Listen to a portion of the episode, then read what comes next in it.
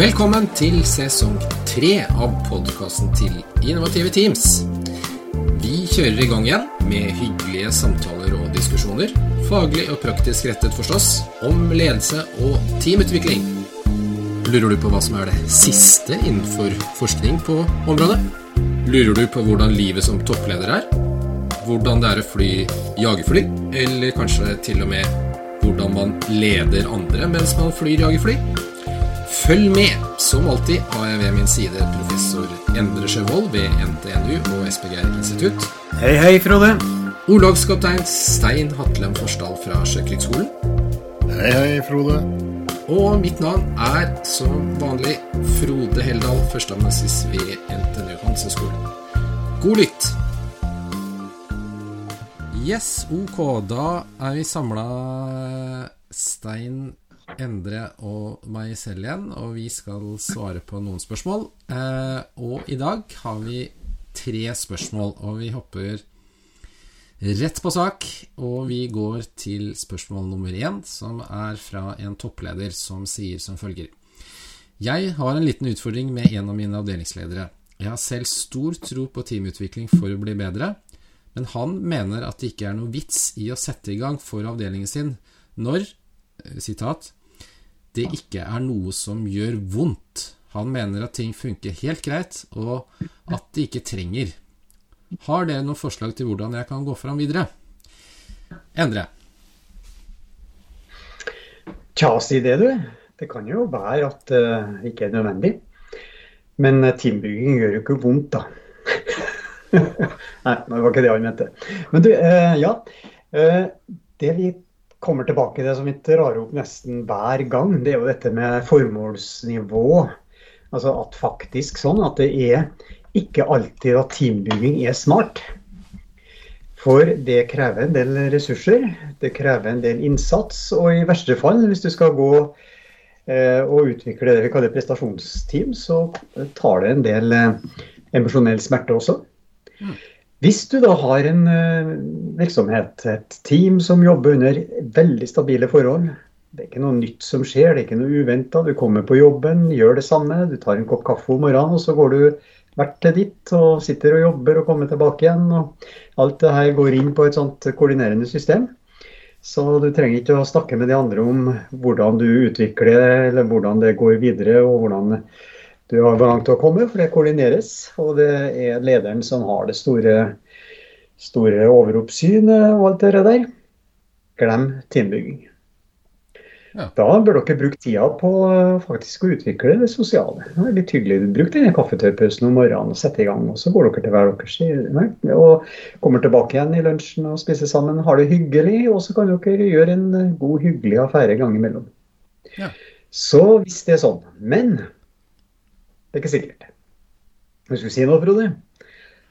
Nei, men det, det, er jo, eh, det, er jo, litt spennende, fordi det, tross alt så tenker jeg det, krever jo en sånn form for bevissthet også, det, av å ha en sånn type refleksjon. For det er jo ikke alle arbeidsoppgaver eller arbeidsplasser som er så klart definerbare, er det det? Eller Nei, det er ikke det. vet du. Og Det som ligger i spørsmålet, da, jeg var litt sånn uh, ut for å sette ting på spissen her, det er jo nettopp det at han mener at det ikke fungerer så bra som sjefen mener. da. Mm. Det er vel det som ligger kanskje. Uh, og da bør han jo kanskje tenke gjennom på hva er det han savner. Hva er det som hadde blitt bedre hvis de hadde hatt et sterkere og mer avansert samspill i dette teamet her. Eh, og hvis det kan konkretiseres, så har en jo plutselig argumenter for at det skal gå an å legge litt ressurser i teambygging. Mm.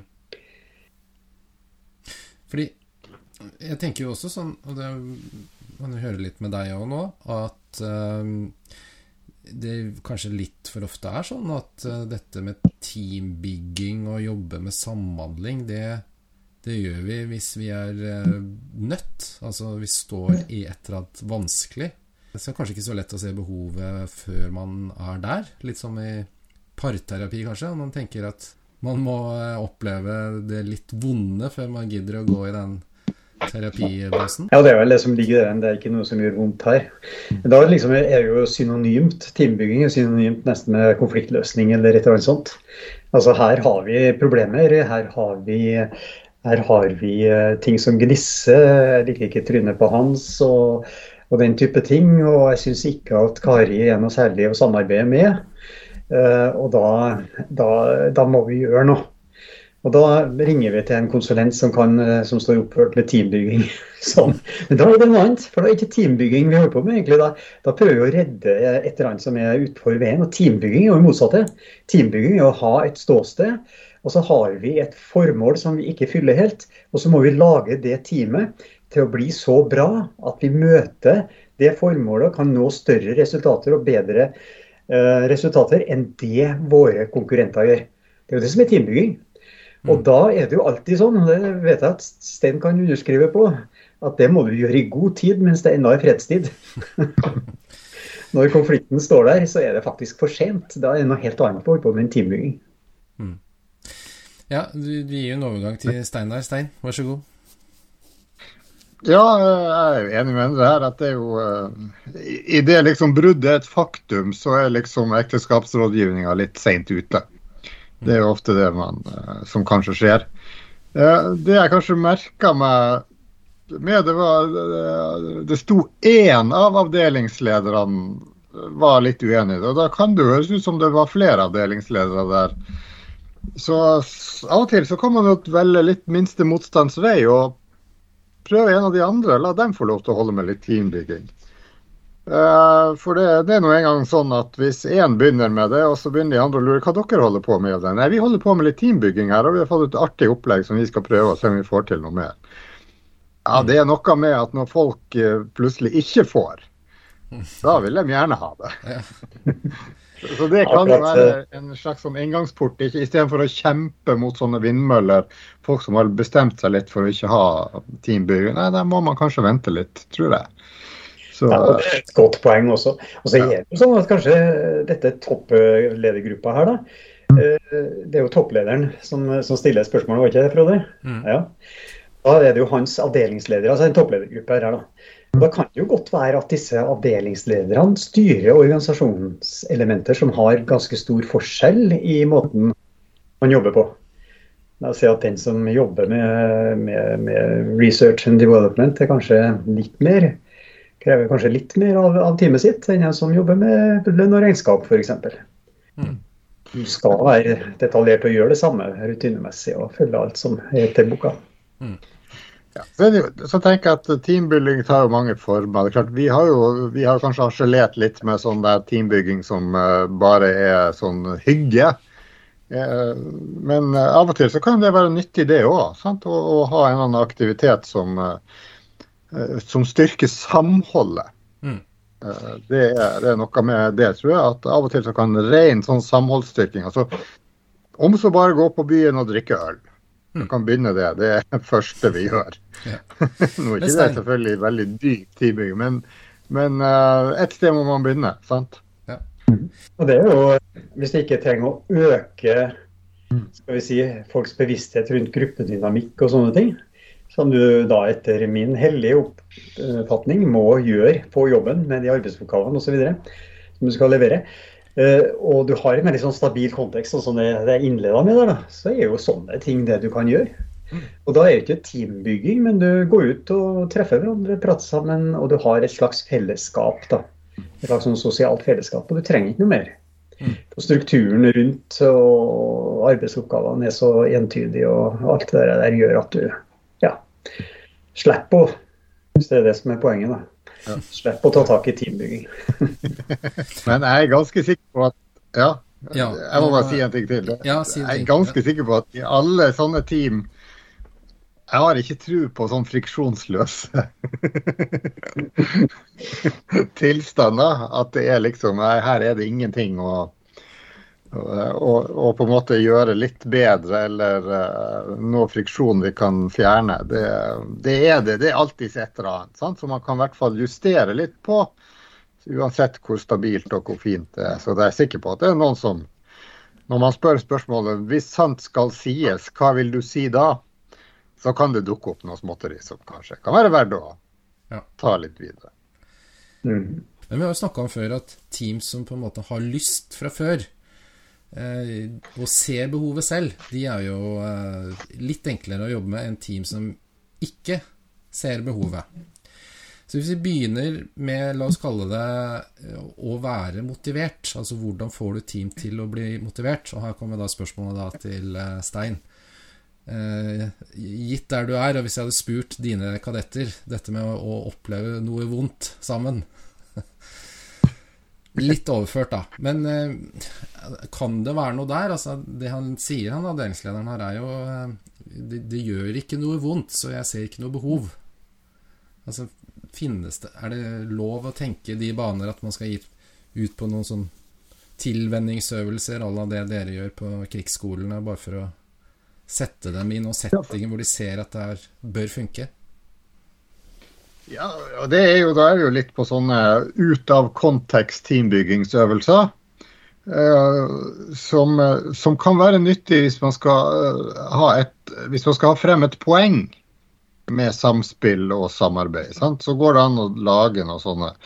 Og det er klart vi kan holde dem våken hele natta, og så får de noen tømmerstokker, og så blir det noe sånn eh, litt tricky oppgaver de må løse sammen. Sant? Og, da er jo folk gjerne litt mer eh, litt surere, litt kortere i lunta, og da kan du komme til overflaten enn noe sånn som ligger, kanskje alltid har ligget der. sant? Men det er jo fremdeles veldig frakobla hverdagen, så å få knytta det tilbake til hverdagen, det er jo det som er veldig, veldig vanskelig. Og, og, og må gjøres med stor kløkt og omhu. Sant? Den, den forklaringa derfra, fra tømmerstokken til som er bildet på det tunge vi har i hverdagen, og så skal du få det til å stemme med den regnskapshverdagen, for å ta det. Eh, Det er ikke så selvsagt. sant? Nei. Så da, da, En annen metode kan jo kanskje være at hvis man i samarbeid med den eh, direktøren da klarer å lage realistiske case-studier som handler om jobben deres, så er jo det en annen. Så går jo det også an. sant? Ja. Men ja, kjempevanskelig spørsmål. Hvis, eh, eh, hvis folk ikke er interessert i det her, så er det vanskelig å liksom få folk med. Ja. Det tenker jo jeg. Det, du må ha et visst sånn Det må være et litt sånn, hva man skal kalle et sånt læringstrykk. At det må kjennes ut et trykk på at vi har lyst å lære noe fordi vi trenger det. Vi ser at vi trenger et eller annet her, og vi forstår ikke helt hva det er for noe. Endre det trenger ikke være helt veldig sterkt, men litt. Grann. Litt, ja. ja. Så eh, Endre, den, den situasjonen her vet jeg du har stått i flere ganger. Um, og Stein sier litt. Litt må være der. Uh, men det har vel hendt, Endre, at du har sagt at her uh, kan ikke jeg hjelpe dere. Det har hendt mer enn en gang. Og det er kanskje mest, hvis jeg drar litt lenger, det som Stein dro opp. Han nevnte parterapi og alt det som eksempel. Men det er enkelte ganger når du kommer opp i en sak. Du skal, du skal hjelpe dem med å bygge team. Og så ser du at her er det eh, mellommenneskelige ting som foregår. Som er utafor det oppdraget du har som teambygger. Og dessverre så er det veldig mange som, som ikke har den nødvendige bakgrunn. Som ser hvor grensene sine går. Og som da fortsetter inn i det som kanskje en fagperson som er spesialist innenfor eh, ja, psykologi eller et eller annet. Altså, når du vipper over til det terapeutiske, da må du trekke deg, trekke deg bort. Og, og den grensa det, har, det, er ikke mange ganger, men det har hendt at jeg har vært oppe i situasjoner hvor vi har gått løs med teambygging, og alt ser såre vel ut, og så begynner vi å trykke litt, og så ser vi det dukke opp ting. Og du ser tydelig, og da kommer, kommer hele suppa opp fra alle sammen som ligger rundt, og så sitter det noen igjen som er, er da utsatt for et eller annet. Mm. Det er, og når du kommer så langt, så er det veldig vanskelig å roe seg inn igjen. Men på en annen side når du har erfaring, når du har trening, så vet du etter hvert hvor grensa går, og du vet også hva det er for noe. Jeg husker det var én gruppe jeg hadde en gang, det var spesielt en, uh, hvor, hvor, det var det var utpå Vi hadde hatt en teambygging, og det var veldig sånn motstand mot det. Det var bare surr og vås og sånne ting. Og vi, vi, hadde jo litt sånn middag og greier, og så var det ute i baren. Jeg var til stede der. Uh, og skulle jo gå meg, tenkte jeg, for de holdt på ut. Bare hørte jo de prata ganske intenst. Og så kommer han plutselig han, han administrerende etter meg og så tar tak i meg og sier Endre, du må komme. Dette må du hjelpe oss med. Nå, nå, skjer det. Og jeg kom inn der, og der var det jo fullt sirkus. De, var jo omtrent, de så jo ut som de skulle gå til håndgemeng. Og det var en skikkelig uh, og nå må du gjøre noe, ikke sant? ikke sjefen, men, men, jeg måtte gjøre noe. Mm. Og det, det, er liksom typisk. da, da, da, Så tenkte jeg, hva gjør jeg nå? Uh, går jeg inn og roper med sersjantrøsten at nå er det på tide å gå og legge seg, eller ser jeg litt an? Og jeg valgte å se det litt an. Uh, og da har jeg erfaring fra før at uh, det, når folk har kommet over en viss grense her og begynner å frese ut, så kan det være ganske greit. For det er ikke lenge nok det, Du kan ikke holde på å frese hele tida. Mm. Og de holdt på ganske lenge å frese. De gjorde det. Jeg var bekymra. Men til slutt så roa seg, og så gikk folk og la seg. Og morgenen etter så satt de nydusja og pent påkledd og var i full klar til å begynne skikkelig teambygging. Mm. Men det er ikke noe, det er ikke noe å anbefale, altså. For, for det, hvis det hadde gått gærent der, sånn som han administrerende var redd for. Han hadde jo erfaring med fra før, da, at de kunne være litt sånn hard i klypa. Så, så hadde vi hatt et uh, ikke så lite problem. Da. Ja. Dette men, det, det, det, ja, det, det, vet jo du alt om, eh, om Stein. Denne tilliten til at voksne folk uh, greier å håndtere ting. Den, uh, den, bør vi ha med oss. Da. Mm. Jeg tenker Vårt utgangspunkt er jo at det er normale mennesker vi har med å gjøre som er altså, normale, som ikke har en patologisk forstyrrelse eller passer inn i en eller annen sånn manual for psykiatrien. Det, det, må jo, det må være vårt utgangspunkt. Mm. Det er klart det her du forteller, Historien minner meg jo litt om uh, MTB-livet på 80-tallet. Altså missil torpedobåtlivet på 80-tallet i Nord-Norge, på 22. MTB-skvadron. De, de, du kan si de debrifa man hadde fredagskveld i messa over øl. Det var ganske heftige meldinger som gikk over bordet. da, så Man kunne jo tro at nå går det virkelig galt her. Men det alltid gikk bra. Og så var man liksom like blid dagen etterpå. sant? Da hadde man fått blåst ut alt sammen, alt gruffet. sant? Og så var man klar igjen. Ja. Mm.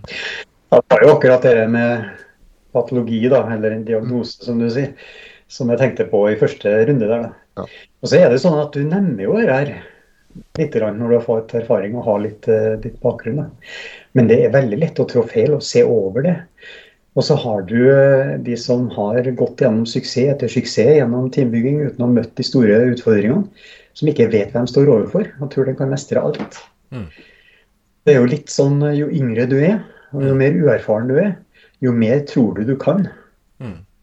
Jeg har ansatt mange konsulenter, unge konsulenter opp gjennom min karriere. Da jeg jobba internasjonalt. Og det har alltid vært sånn at jeg sett Det første så er jeg veldig ydmyk. Veldig læring og veldig sånn spørrende og kommer og ber råd. Og så plutselig blir jeg stille. Og da er min erfaring nå må jeg ut og supervise her. og da har du ofte møtt dem i en sånn situasjon hvor, hvor kanskje man er litt for høy på seg sjøl. Og så kommer du i en periode hvor, hvor, du, eh, hvor, du, går over i en litt mer ydmyk fase.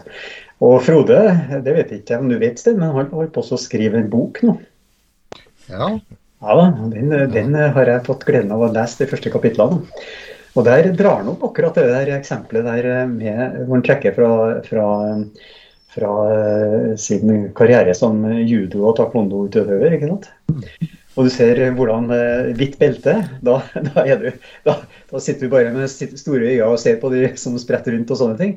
Og så kjenner du til gult belte, da får du en eh, litt sånn forhøya selvtillit. Da begynner du å kunne litt. Kan du, du, kan jo egentlig ingenting. Da blir du liksom satt sammen med en som har et litt høyere grad, og så blir du fort justert tilbake igjen. Og så går du inn i neste fase av, litt mer ydmyk, og så går det sånn oppover. jeg syns det var en jækla god illustrasjon. Jeg kjente meg godt igjen. ja, ja, takk. Det er jo det er litt spennende det der med den litt for høye selvtilliten som man får veldig fort. Så ja. Nei, men bra. Spennende. Takk for at du trakk inn det uferdige bokmanuset mitt, Endre. Det var jo veldig hyggelig. Eh, og bok kommer etter hvert. Det gleder vi oss til. Merker. Ja, kjempebra. Skal vi se, Hvis vi drar tilbake til han avdelingslederen for å oppsummere, så tror jeg bare jeg vil oppsummere med ett ord igjen. Ja, og Det er kanskje det ordet vi oppsummerer med ganske ofte, og det er uh, hvorfor.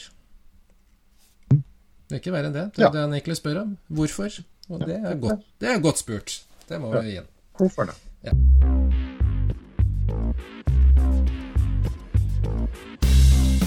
Ok, vi går videre til neste spørsmål, og da lyder det som følger Det høres så rart ut å jobbe med dårlig nytt.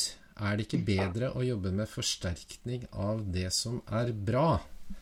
Og Stein, her aner det meg at uh, du får litt svar på tiltale. Uh, I hvert fall kobla til uh, noe du har sagt noen ganger. Så den skal du få lov til å begynne med. Vær så god.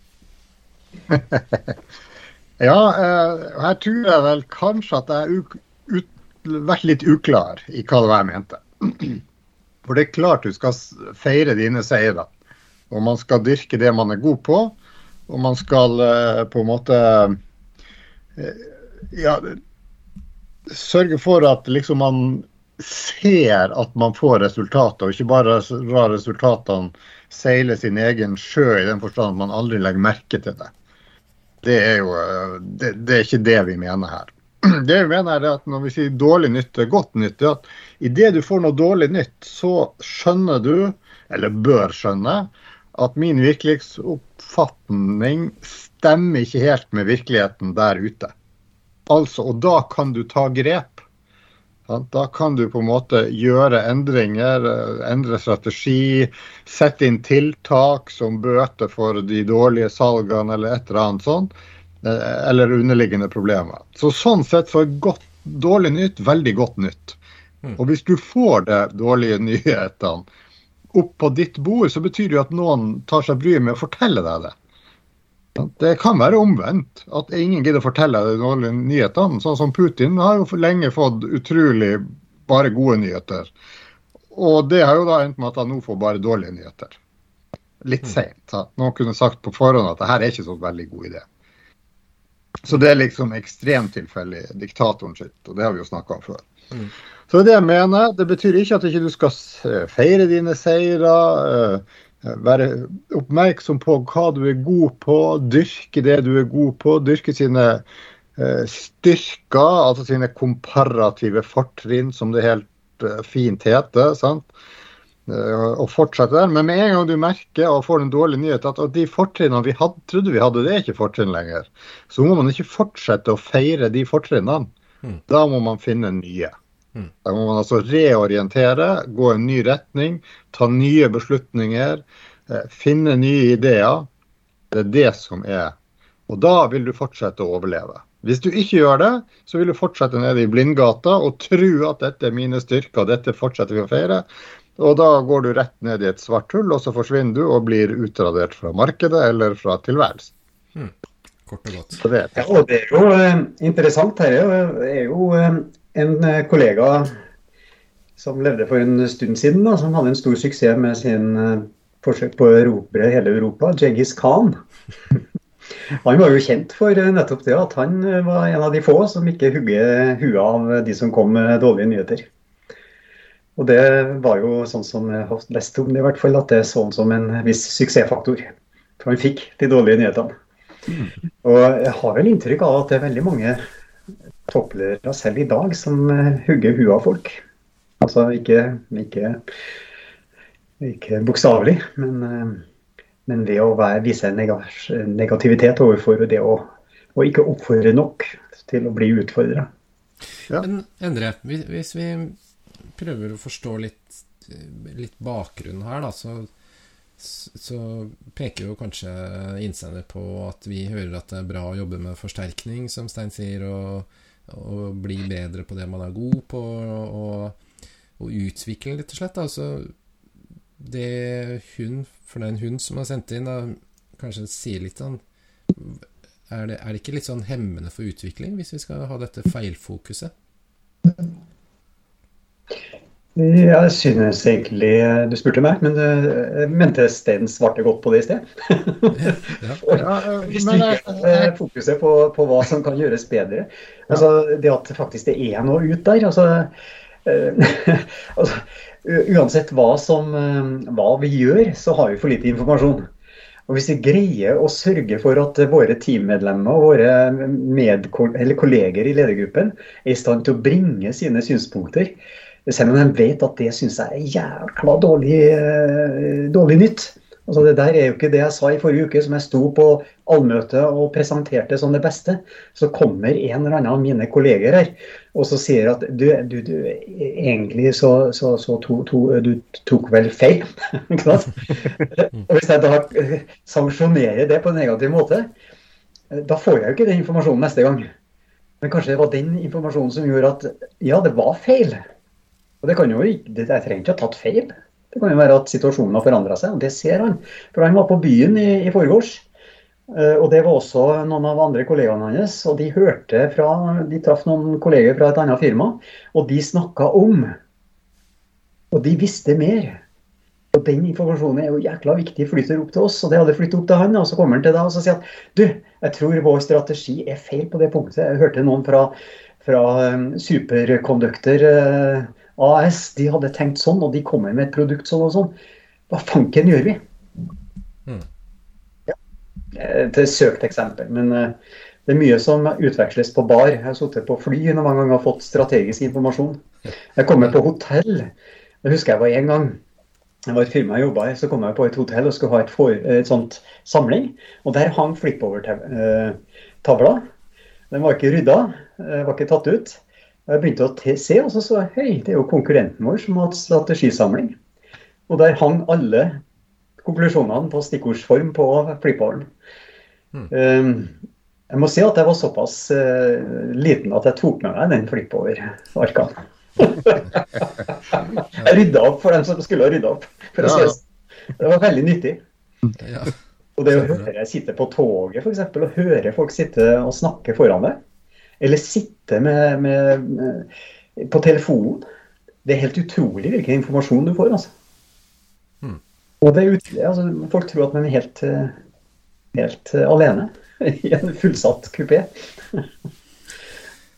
ja, spennende. Det, det, ble vel dårlig nytt for den, eh, den lederen eller eh, stakkars utskremte rådgiveren som hadde notert på det, de flippoverne der, da, som plutselig var borte, eller ble sett bæ bli båret ut av eh, konkurrent Sjøvold. Ingen så det. Ingen så det. det var hotellet som ikke hadde rydda. Men eh, jeg lærte i hvert fall at alltid rydde opp. Fjerne alt. Ja. Og ikke hive det i søpla. Tilbake til deg, Stein. Så og, og, skal ikke si at det er innsender som har misforstått, da, men, eh, men du hevder jo at det Eh, det er kanskje ikke sånn å forstå at uh, det er disse dårlige eller negative variantene som på en måte skal få tyngde, men det er sånn balanse er kanskje det viktige stikkordet her, da? Ja, absolutt. Man kan forestille seg at du sitter på et uh, møte, og kanskje er du leder. og så Da tenker jeg en fruktbar måte å si ok, her er sånn som jeg ser situasjonen nå. Og så kan man på en måte prate seg gjennom et eller annet, en virkelighetsoppfatning man sitter med som sjef, og så sier man da OK, vær så snill, hva er det jeg ikke ser nå? Hva er det vi ikke ser? Hva er det jeg ikke har fått med meg? Hva er det med min virkelighetsoppfatning som ikke stemmer med deres? Det må dere være så snill si nå. Hvis ikke så fortsetter vi den veien her som jeg tror er lur. Og det kan være katastrofe. Mm. Og med en gang du har en sånn type samtale, så, så har du sjanse å fange opp dårlige nyheter. Som da blir gode nyheter. Det er det. De dårlige blir gode nyheter, fordi da vet vi at vi kan gjøre noe annet. Noe som virker. Mm. Istedenfor å kaste bort energien vår på ting som ikke virker. Mm.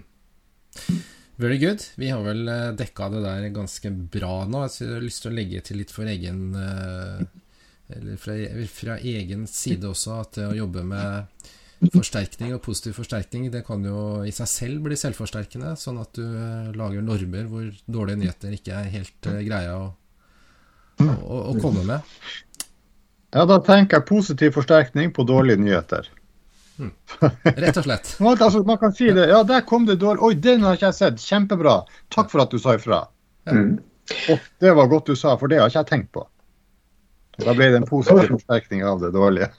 ja, den, den positive forsterkningen vi snakker om, det er jo anerkjennelse. ikke sant? Ja. Og det er kanskje det sterkeste vi som, eh, som mennesker får i positive situasjoner. Det er en anerkjennelse. Her kommer jeg med et bidrag som, som faktisk er bra bidro med noe inn i fellesskapet. Mm. Ja, rett og slett. Det er jo et kjempegodt tips som vi kan avslutte med. At du gi, gi anerkjennelse som en positiv forsterkning når det kommer dårlig nytt. Very good. Enkelt og greit. Veldig greit.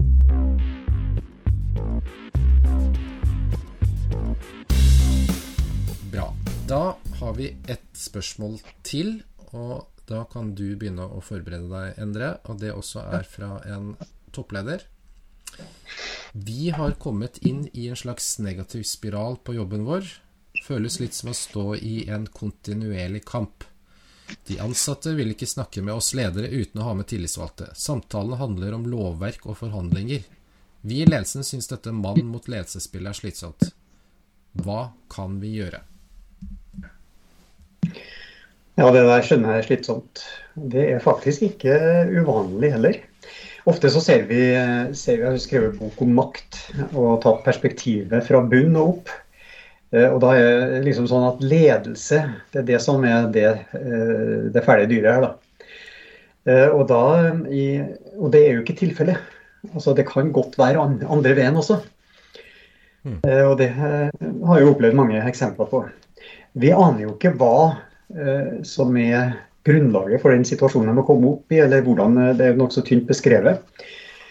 Men eh, det er tydelig at jeg må komme inn i et eller annet, og det har jo med kommunikasjon å gjøre, som, som spiller på det negative.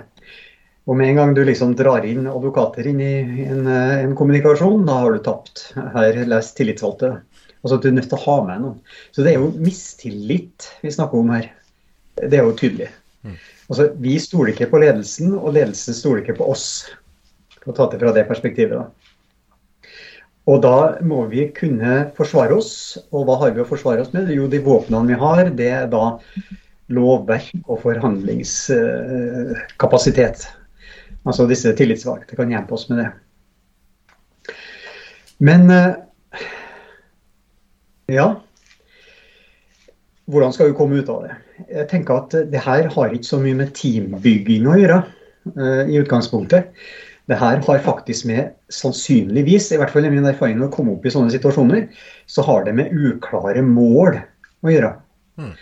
Altså at Vi vet ikke hva som forventes av oss. Vi er ikke helt klar over hva som virksomhetens uh, formål eller uh, intensjon. Og jeg vet i hvert fall ikke hva, hva mine mål og mine bidrag skal være oppi her. Så når jeg opplever krav så kommer de for, fra ledelsen, så kommer de for sent. De kommer eh, i en form som jeg ikke syns er OK. Og de blir veldig sånn, oppfattes veldig sånn personlig mot meg. Ergo, jeg trenger hjelp. Og hvor henter jeg hjelp hen? Jeg går ikke til lederen og spør da når jeg føler at han er ute etter meg. Da går jeg til mine kolleger og så snakker jeg. Og så skrur vi hverandre opp, og så finner vi ut at ja, men så kommer det en velment og sier at ja, men du må få meg tillitsvalgt, du kan ikke snakke med lederen der, du går ikke an. Og så tar du med tillitsvalgte, og lederen er kanskje ikke forberedt på at det skal være så formelt, og du snakker om da at en tillitsvalgte har jo forberedt seg på, på møtet, og så sitter du der i en sånn situasjon, og lederen føler seg alene, og må kanskje da være veldig formell, og så får du forsterka inntrykket av at her er det, her er det overmakta som rår. Mens det kanskje var motsatt. Han følte seg overkjørt. Det er jo liksom det som ligger litt under, sånn som jeg formulerte det. Og så neste gang jeg møter, så møter han opp med sine representanter, i hvert fall ikke alene. For vi må jo dokumentere, og vi bør ikke være alene i en sånn situasjon når det er konflikt. Og så har du spiralen i gang. Og jeg tror ikke du løser den der med noe som helst ligner på teambygging. Tilliten der må du, må du få på plass ved at dere blir enige om, eh, om hva er det egentlig vi vil som organisasjon. Og hva er din skal vi si, del av det bidraget for å komme dit? Og så må vi starte diskusjonen derfra. Og det, sånn som Stein eh, nevnte et par ganger nå, de to andre spørsmålene, det burde gjort for lenge siden, ikke sant? Mm. Nå er du kommet opp i en situasjon hvor det, hvor det liksom rota seg ned i en negativ spiral. Det er et godt begrep, egentlig. Og den har en tendens til å gå fortere og fortere og fortere. Og til slutt så har vi en arbeidsrettssak eller en, en utbrent som blir sykmeldt, eller et eller annet som symptom. Og noen går til avisa og får det her ut. og ja, Da har vi det i gang. Og så må Ja, dere kjenner denne rytmen. Og det er slitsomt. Det er slitsomt. Og vi må bryte den spiralen. Stein, mistillit ligger i bånn her, da. Hvis vi skrur klokka litt tilbake um, Før tillitsvalgte på en måte ble kobla på. Eh, det, har du noen gode sånn, råd til hvordan man skal fange at man er på vei inn i en sånn mistillitsrelasjon, uh, eller uh, altså skrittet før man må til parterapi? Ja. Uh, jeg tror Altså, hvorfor begynner tillitsvalgte å bli blanda inn? Og nå sier jeg blanda inn i beste mening her. Jeg er tillitsvalgt sjøl. Jeg syns det er veldig trist å høre sånne historier som her, hvor det blir en kamp mellom tillitsvalgte og arbeidsgiver, der det egentlig skal være et samarbeid. Det heter jo trepartssamarbeid i Norge, og det fungerer veldig bra. Så tillitsvalgte skal være en, en ressurs som er til gode for alle. Tillitsvalgte skal ikke bare være en sånn uh, kjempearbeidernes kamp, men skal også være en kompetanseressurs som skal på en måte hjelpe til å rydde opp i floker. Uh, det, det, tror jeg er veldig viktig som utgangspunkt. Så hvorfor havner man der, da? Ja, altså, jeg tror at uh, det er mangel på tydelighet her. Er, og når ledelsen ikke sier akkurat det de mener, eller begynner å pakke det inn, så er veien veldig kort til at det blir oppfatta som løgn. Og Hvis det blir oppfatta som løgn, ja da stiller du ikke uten tillitsvalgt neste gang. Sånn. Så denne, denne ærligheten altså det, det, det, er liksom et par ting som ledere skal tenke seg om før de snakker. Det er liksom Er dette sant? Uh, uh, er det nyttig det jeg skal si, og er det rett tid og sted? Altså, du må være helt sånn klokkeklar og tydelig, selv om det er ubehagelig å si det. Sånn at de oppfatter at ja, du mener det du sier, og du er ærlig. Du prøver ikke å skjule ting som eh, ikke er noen grunn til å skjule. Altså Det finnes jo forretningshemmelighet, det forstår vi alle sammen. Det er ikke alt du plumper ut med hele tida. Men du må i hvert fall være så åpen og transparent som mulig. Da vil du på en måte slippe å komme dit, tror jeg. Mm. For det Ja. Endre? Ja, nei, det er jo eh, en tidligere kollega som levde for ja, skrev bok i 1514. Machiavelli. Han snakker jo om akkurat det der. Jeg kan si at En, en fyrste han kan lyve, han kan, han kan, svindle, han kan gjøre alt mulig mot sine motstandere. Men en gang han er bekjempa, så må han være ærlig, direkte, tydelig og understøttende. Og det er jo en god uh, leveregel å ta med seg. altså Mot dine så må du være dønn ærlig. altså. Og så er det da at eh, hvis det er en fusjon, en sånn merger, så kan du ikke si noe, selvfølgelig. Det har ikke lov til. Det må, på, må bli avgjort først, og så kommer, kommer sammenslåingen. og Da kommer det som en overraskelse, da blir det bråk. Men det, det er sånne unntak. Alt annet, det må du, det må du være ærlig på. Mm. Yes, veldig bra. Og, og eh, svaret, eller eh, rådet her, er jo at situasjonen er blitt dessverre såpass Skal vi si Den er vanskelig, eh, og teambygging er ikke, eh, ikke greia. Selv om tillit er jo noe av det vi snakker veldig mye om i poden her, så er det nok noen ting som skulle ha vært gjort på forhånd. Og, som både Endre og Stein er innom, at det har et eller annet med utydelighet her å gjøre. At du eh, både på individnivå og på organisasjonsnivå at du ikke helt har disse klare målene sammen. Og da havner man der de, disse kanskje er, da. Endre? Nei, da, det, det, jeg tenkte her, kan teambygging faktisk være virke stikk motsatt. Mm. Hvis ledelsen setter i gang en teambygging oppi en sånn sak som dette, så vil det bli betrakta som manipulasjon, forsøk på manipulasjon. Mm. Så det, det, kan være direkte farlig. Mm. Kort og godt. Så da vet de hva de ikke skal gjøre, i hvert fall. Veldig bra. Eh, og vi har vel ikke noe klarere tips enn det, enn hva de må være forsiktige med. Men det er jo et eller annet de må prøve å finne ut av, da, og som Stein er innom. Eh, det er jo egentlig et samarbeids... Eh, tillitsvalgsorganet er jo et samarbeidende organ. At det, ja. det er det som man må ha som ja, jeg tenker ja, altså du, du, kan i hvert fall begynne et sted med å være helt ærlig med at jeg, som ledelse Jeg syns dette er vanskelig de som ledelse, at nå syns jeg vi er i blindgate. Skal være helt ærlig, så syns jeg det fungerer dårlig. Og jeg syns ikke vi skal ha det sånn. Kan leder si direkte. Jeg syns vi skal ha en annen måte å samarbeide på. Vi skal bruke tillitsvalgte til andre ting enn å møte opp på helt enkle møter. Mm.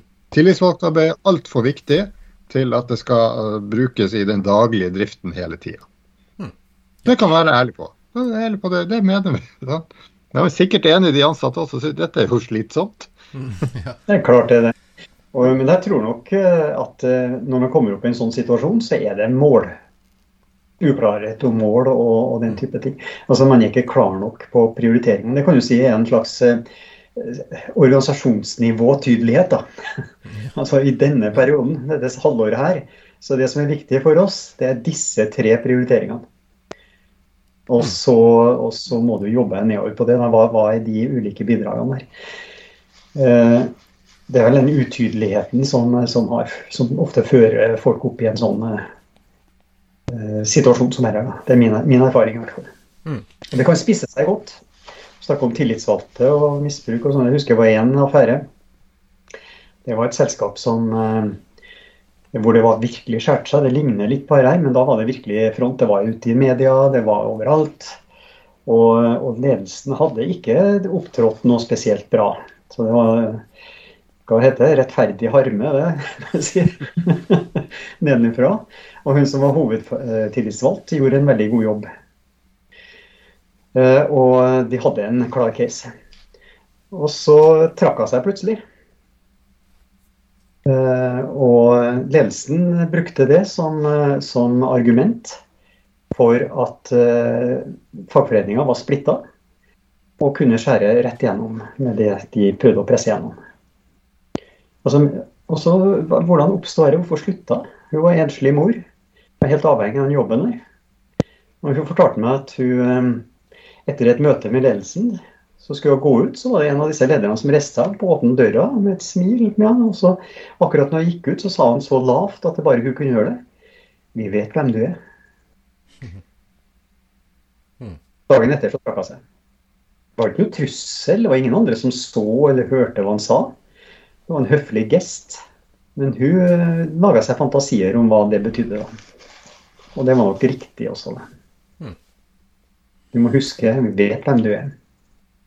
Uff, det hørtes uh, ekkelt ut. Det er mye sånt der ute, dessverre. Ja. Uff da. Men OK, vi, vi, må løfte oss igjen for å få en litt uh, Litt mer positiv avslutning, skal vi si det sånn. Eh, med litt glød og fart og intensitet, kanskje. Og da da skal vi ha noen bevingete ord igjen, da. Jeg tenker, vi kan begynne med Stein den gangen her. Har du noen tips, triks, lure ting, ideer av litt bevinget karakter? Ja.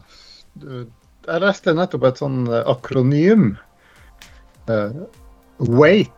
W-A-I-T. Og det står for Why am I speaking? Det syns jeg er wait, altså. Why am I speaking? Og det kan være litt artig. Av og til så kanskje vi skal uh, vente litt og tenke oss om uh, før vi sier noe. Uh, sånn at vi er sikre på at det som kommer ut, er rimelig klart og tydelig, og sant. Ja. Så det er dagens slett. Endre, bevinget eh, innslag fra Vet du hva? deg. Ja, jeg syns det der var så bevinget, eh, Sten, at jeg tror vi skal la det være med det. Yes. Veldig bra. Men da sier vi takk for nå, og eh, ha det bra, Endre. Ha det bra, Stein.